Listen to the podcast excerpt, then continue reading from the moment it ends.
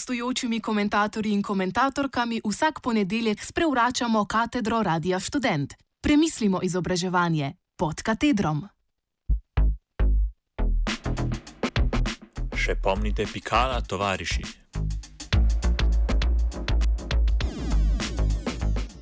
Nova slovenska vlada po dolgem in vročem poletju dobiva končno obliko. Vse kaže, da bo novi stari minister za izobraževanje, znanost in šport Jrnej Pikalo. V današnji oddaji pod katedrom bomo preleteli njegove dosedanje dosežke in razmišljali o prihodnosti slovenskega visokega šolstva pod njegovo taktirko.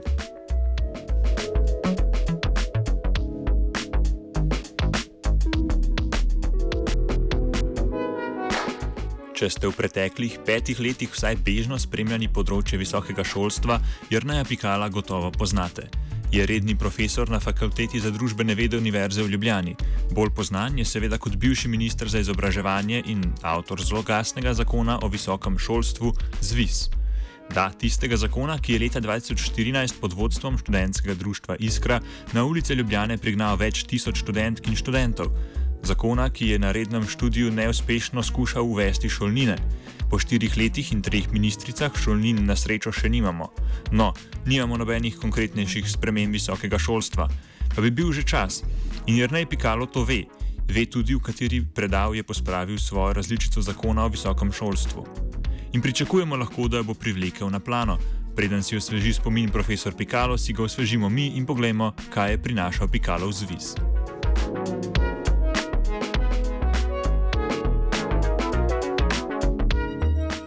Gotovo najbolj pereča novost Pikalovega predloga je bila uvedba neke vrste šolnin na redni študij. Ministrstvo je želelo ukiniti izredni študij ter uvesti popolni in delni študij. Delni študij bi bil po obsegu enak, vendar dvakrat daljši, namenjen bi bil torej študiju ob delu. Tako delni kot polni študij bi bila za večino študentov brezplačna. Če bi se zapolnila vsa mesta na polnem študiju, bi lahko upisali dodatne študente, ki pa bi si študij morali plačati. To bi v praksi pomenilo, da bi za nekatere študente že prvi upis na fakulteto bil plačljiv. Od tod tudi izvira kritika in razlog za tako množičen protest. Ministrstvo je takrat sicer večkrat povdarilo, da nov predlog zakona šolnin ne uvaja. Šolnine namreč že dolgo časa obstajajo za izredni študij, uvaja pa jih na polnem študiju in to v prvem upisu. Glavna bojazen iskre je torej bila, da se financiranje visokega šolstva prelaga na pleča študentov. Zakon je bil problematičen tudi za sindikate, saj je dodatno obremenjeval strokovne delavce. Prinašal je tudi nekatere dobre novosti. Deniramo, den, denimo financiranje doktorskega študija pod okrilom javne službe. Po, po usklajevanjih so zakonu dodali še nekaj varovalk in izboljšav, a je vlada padla pred sprejetjem zakona, minister Pikalo pa se je vrnil na domačo fakulteto.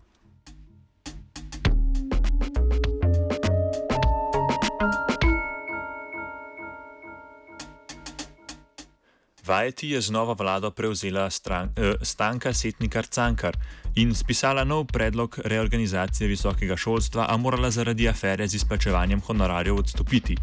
Pa je prišla nova ministrica Klaudija Markeš in zaradi ponarejene diplome po enem letu odstopila. Nasledila jo je Maja Makovac Brenčič, ki se je na položaju obdržala tri leta. Dvakrat več kot vsi ostali trije kandidati skupaj. V tem času je uspelo sprejeti nekaj sprememb zakona o visokem šolstvu, večinoma bolj kozmetične narave. Izpostavimo lahko morda povečanje sredstev za visoko šolstvo in sofinanciranje doktorskega študija, čeprav tudi pri tem ni šlo brez nepotrebnih zamud in zapletov. Morda še najbolj ambiciozen predlog je bila januarska novela ZVIS. Predlog sprememb je uvajal jasnejšo definicijo obsega in financiranja javne službe. To namreč že od leta 2011 zahteva ustavno sodišče. Novela je prinašala tudi strožje pogoje za pridobitev koncesij, z drugimi besedami, teže bi bilo ustanoviti novo univerzo. Zaposleni bi dobili bolje definirano delovno in pedagoško obveznost, študentke in študentje pa obvezno športno vzgojo. Predlog je omogočal tudi uvedbo sprejemnih izpitov, a je obtičal v parlamentarnem postopku in pred odstopom vlade ni dočakal luči sveta.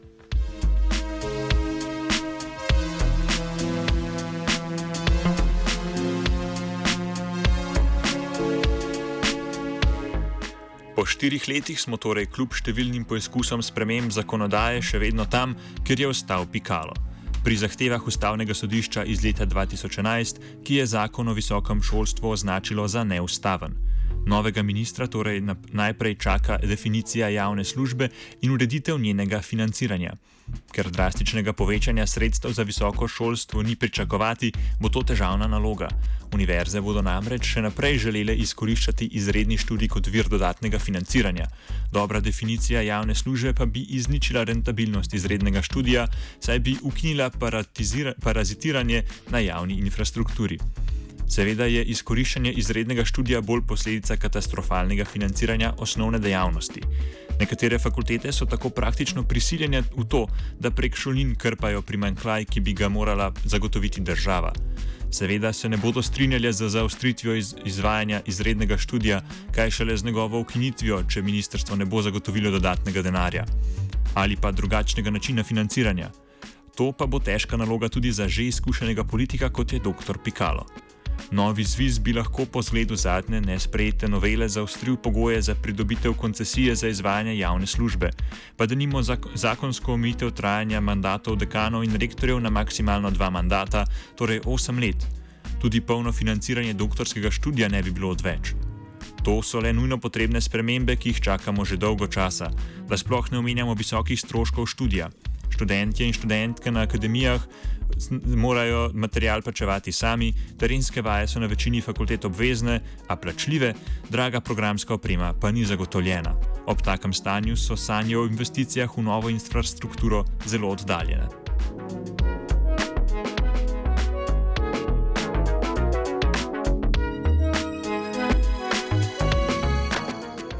Novi minister se bo seveda moral ukvarjati tudi s težavami, ki se ne vežejo neposredno na visoko šolstvo. Ena takih je poklicna matura, natančneje peti predmet na poklicni maturi. Zadnja leta se namreč veliko osnovnošolcev upisuje na srednje strokovne šole, pa ne zato, ker bi si želeli strokovno izobraž, izobraziti in zaposliti v neki panogi. Za srednjo šolo se odločijo zato, ker s poklicno maturo in petim predmetom lažje pridajo na želeno fakulteto. Kar 85 odstotkov srednješolcev po zaključeni srednji šoli študij nadaljuje, od tega le 30 odstotkov vse splošno maturo. Pikalo bo s svojo ekipo moral najti način, kako preprečiti izkoriščanje petega predmeta na poklicni maturi za lažji upis na fakulteto.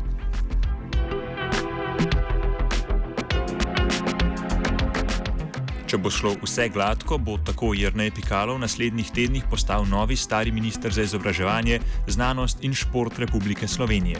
Upamo, da stari minister seboj ne bo prinesel starih idej, ki smo jih študente in študentke enkrat že zavrnili. So srečo!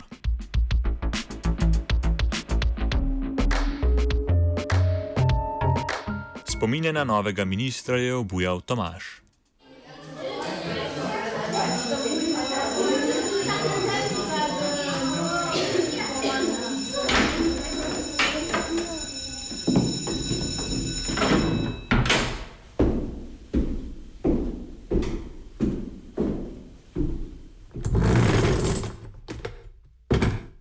Gostujočimi komentatorji in komentatorkami vsak ponedeljek sprevračamo katedro Radia Student. Premislimo izobraževanje pod katedrom.